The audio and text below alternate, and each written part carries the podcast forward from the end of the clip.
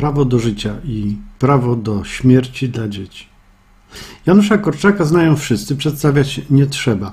Przyszedł mi Korczak do głowy przy okazji czytania krótkiej informacji o obozie harcerskim w Suszku. Sprawa sprzed czterech lat. Pewnie jej nie pamiętacie, a ja owszem. Potężna burza nad Pomorzem, która wykosiła sporą część drzew w okolicach Borów Tucholskich, przyszła w środku nocy jako kompletne zaskoczenie.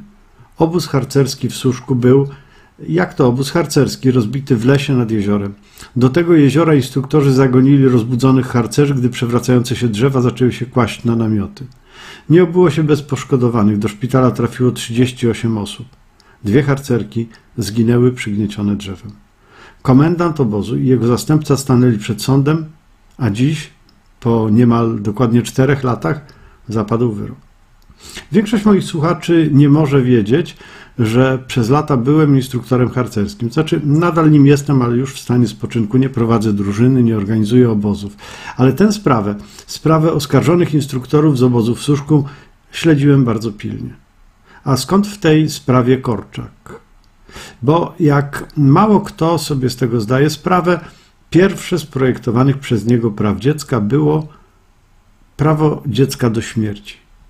Z perspektywy rodzica czy opiekuna to najtrudniejsza rzecz, jaka może być. Takie prawo.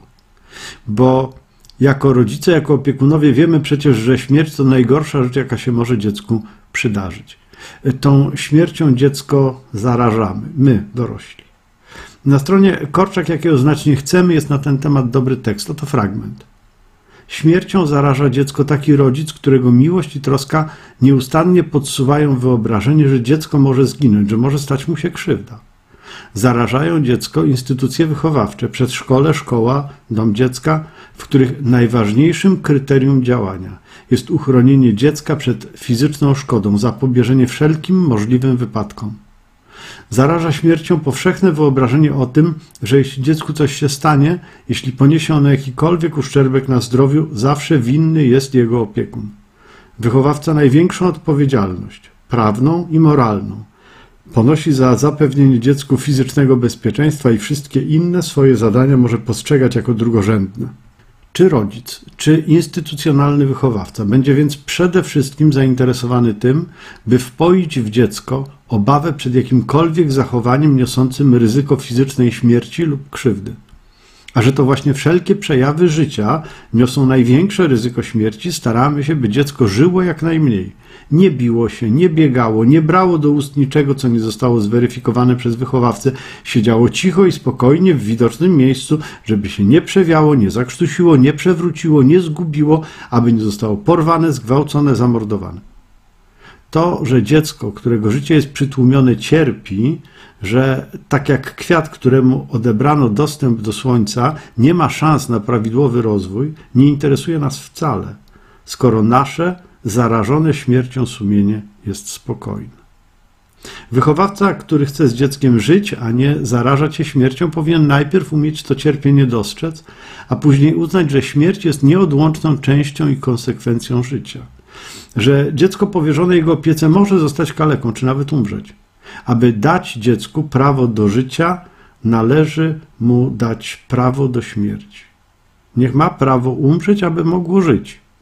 A wychowawca, aby pozwolił dziecku żyć, musi mieć, musi umieć dać sobie prawo do pomyłki, do tego, aby dziecko powierzone jego opiece umarło. I to jest niewyobrażalnie trudna rzecz. I to jest to, co robią instruktorzy harcerscy, dobrzy instruktorzy harcerscy.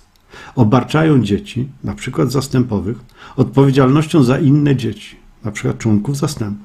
Wysyłają w nocy do lasu bez dorosłego opiekuna, samych.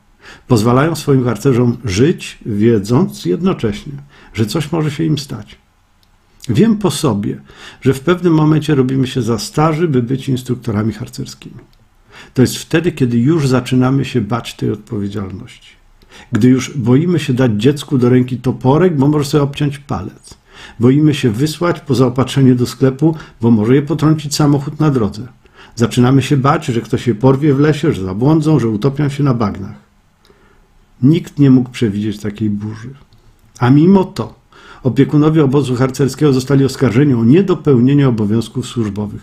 Usłyszeli zarzuty umyślnego narażenia uczestników obozu harcerskiego na bezpośrednie niebezpieczeństwo utraty życia, ciężkiego uszczerbku na zdrowiu oraz doprowadzenie do nieumyślnego spowodowania śmierci dwóch harcerek i nieumyślnego spowodowania obrażeń u pozostałych kilkudziesięciu harcerzy.